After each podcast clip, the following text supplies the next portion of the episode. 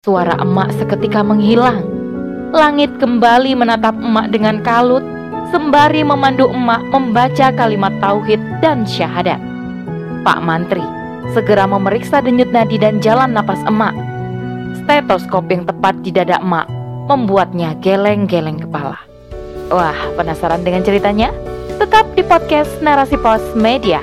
Narasi Pos, cerdas dalam literasi media, bijak menangkap peristiwa kunci.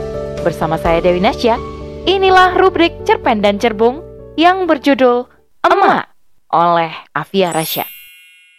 Langit, pulang, emakmu kesambar petir. Suara Mak Ijah bagai halilintar yang menyerang indera pendengaran langit. Setengah kaget, setengah tak percaya, langit mengangguk ke arah Mak Ijah. Kakinya tiba-tiba lemas, seakan tak bertenaga. Dengan gemetar, langkah lebarnya menyalip Mak Ijah yang jalan satu-satu. Dia lupa izin pulang terlebih dahulu pada guru di sekolah. Kabar itu membawa raganya segera menghilang dari pandangan teman-temannya. Dada langit bergemuruh mendengar kabar tak sedap ini. Kenapa harus emak? Berbagai pertanyaan menari dalam altar pemikirannya yang semakin kusut masai. Langit bergegas dengan setengah menyeret kaki lemasnya. Efek mendengar kabar tak diharapkan itu. Maijah yang jauh tertinggal di belakang merasa janggal dengan langit. Bukankah dia biasanya naik sepeda? Kenapa dia berjalan seribu bayangan begitu? Ke mana sepeda kayuhnya? Nafas Maijah tersengal-sengal balik ke desanya dengan jarak 2 km dari sekolah langit. Tentu saja, napasnya tersengal 4 km ditempuh bolak-balik oleh fisiknya yang telah rentah, tak menafikan rasa capek yang teramat sangat. Nasib baik untuk Maijah, dia berjumpa Datuk Kahar. Dia dibonceng adiknya itu pulang ke rumah. Bulir keringat sebesar biji jagung menghiasi wajah dan tubuh langit. Riuh tetangga di halaman rumah menyambut kedatangannya yang semakin merasa tak karuan. Para sesepuh telah berkumpul di teras depan mereka memberi jalan pada langit agar mendekat pada ibundanya. Hatinya merasa diremas-remas. Ada semacam perasaan tak sanggup menerima kenyataan sehingga kakinya tertahan untuk melangkah menuju bilik emak.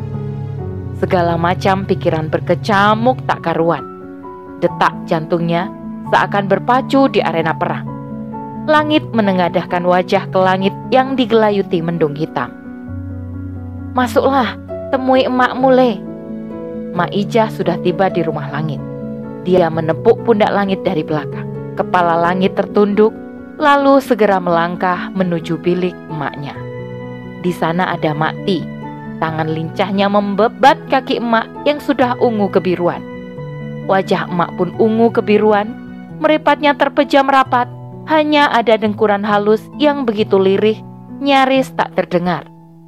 Sudah mulai normal napas emakmu, tapi dia belum sadar juga. Mungkin sebentar lagi Pak Mantri datang, Le. Sing sabar yo, Leo. Makti menyampaikan kondisi emak pada langit. Nanar mata langit menatap sekujur tubuh emak yang membiru. Remuk dirinya mendapati emak yang sudah melewati usia parubaya menderita begitu. Terlintas bayangan emak saat mencurahkan telaga kasihnya yang tak pernah kering tak sekalipun emak memakinya meski jengkel akan kelakuan bebalnya. Lautan kesabaran emak selalu siap menghalau terjangan badai dan ombak. Bahkan saat dirinya dikeluarkan dari sekolah karena tuduhan tanpa bukti, hanya emak dan bapak yang mempercayai dirinya. Tubuh jangkung langit perlahan mendekati emak. Namun, Makti menyarankan jangan terlalu disentuh Khawatir efek petir masih membuat tubuh emak sakit. Langit menjatuhkan pilihan duduk di sebelah kanan emak. Dengan penuh khidmat, dia salami tangan emak yang agak kaku dan diciumnya dengan penuh linangan air mata. Tak pernah langit bersedih. Namun melihat tubuh emak terbujur tak berdaya, berhasil membuat jiwanya goncang. Langit, ke surau, sudah mau maghrib. Suara emak terngiang di gendang telinganya. Meski langit telah lulus SMP, namun dia selalu lelet dalam beraktivitas.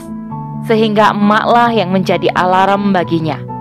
Emak akan marah jika ia enggan ke surau. Bagi emak, mending dia tak usah sekolah jika tak mau ke surau untuk mengkaji Islam pada Wak Mamat. Langit menatap Mak Ijah yang cekatan mengemasi beberapa pakaian emak, termasuk alat makan dan termos. Ada tetangga lain yang menyiapkan bantal dan selimut.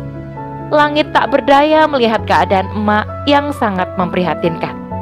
Setangkup harap larut dalam lantunan doa yang langit lafazkan tiada henti.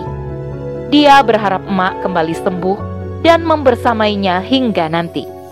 Langit tak kuasa jika hidup tanpa emak. Al jannatu tahta akodamil ummahat. Hadis itu terngiang di telinganya. Wak Mamat senantiasa memberi petuah untuk berbakti kepada kedua orang tua, terutama kepada ibu karena syurga ada di bawah kakinya. Sementara langit merasa sama sekali belum berbakti pada emak. Air mata kembali luruh, Mak Ijah menatap langit penuh iba. Tak pernah ia melihat langit sesedih itu, bahkan saat bapaknya wafat enam bulan lalu. Sorot pandangan penuh cinta terpancar dari mata langit. Air mata penyesalan tak maksimal taat pada emak menghantam jiwa dan nalurinya. Doa-doa terus langit ucapkan dalam sunyinya perasaan. Mak Ijah membawakannya air putih untuk melepas dahaga yang mendera. Air seteguk tak mampu menghapus kerontangan perasaan langit kala menatap emak masih setia menjadi kembang lincah. Suara sirine ambulan meraung memecah sunyinya siang yang diselimuti mendung. Pak Mantri datang untuk memeriksa emak dan membawanya ke rumah sakit agar emak segera mendapat pertolongan. Mak Ijah meminta langit bergegas mandi, berganti pakaian, dan sholat zuhur. Langit menurut. Emak tetap tidak sadar meski Pak Mantri mencoba memberi pertolongan. Selang infus sudah dipasang di lengan emak saat langit usai berganti pakaian. Di sana sudah ada Wak Mamat dan guru SMA-nya. Langit segera meraih tangan kedua gurunya dan mencium punggung tangan guru-gurunya dengan penuh penghormatan. Wak Mamat ke sana karena memang rumahnya bertetangga dan baru dapat kabar ihwal emak yang tersambar petir. Sementara guru SMA-nya mengantar sepeda kayu yang tadi ditinggal di sekolah. Nyit, kau baca surat Yasin di telinga emakmu setiap selepas sholat. Jaga dia, Jangan kau tinggal-tinggal ya, kata Wak Mamat menasehati murid kesayangannya itu. Semoga Allah kuatkan emakmu memberinya kesembuhan dan kesehatan. Doa Wak Mamat tulus diamini para tetangga yang mendengarnya. Langit segera masuk ke ambulans setelah semua perlengkapan dimasukkan. Ma Ijah turut serta. Meski ia tetangga biasa, namun Ma Ijah lebih dari sekedar tetangga. Sejak keluarga Langit tiba di kampung itu, Ma Ijah rela menjadikan sebagian rumahnya sebagai tempat tinggal keluarga langit tanpa sewa. Sampai akhirnya, keluarga langit mampu membeli sepetak pekarangan di samping Ma Ijah dan membangun rumah sederhana beralas tanah.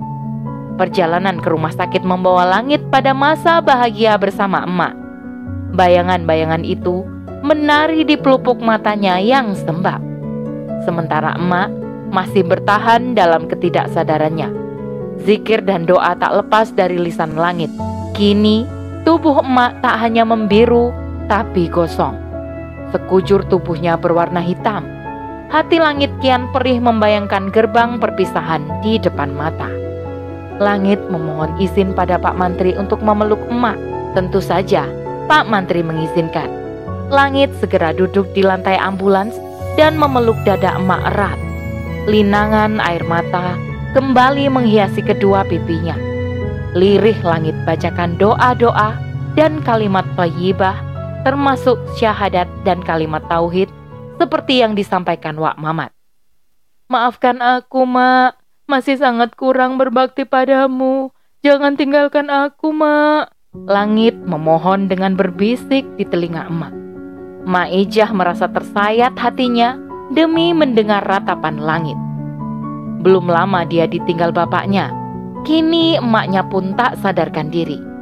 Betapa kasihan langit. Dia teringat anaknya yang meninggal saat tenggelam 16 tahun silam. Kalau masih hidup, mungkin anaknya seusia langit. Tak terasa, air mata Maijah ikut mengalir deras. langit tak henti melafazkan kalimat tayyibah. Dia belajar menerima keadaannya kini. Hujan mulai turun mengiringi perjalanan mereka ke rumah sakit. Tangan emak sedikit bergerak, namun meripatnya masih tertutup rapat.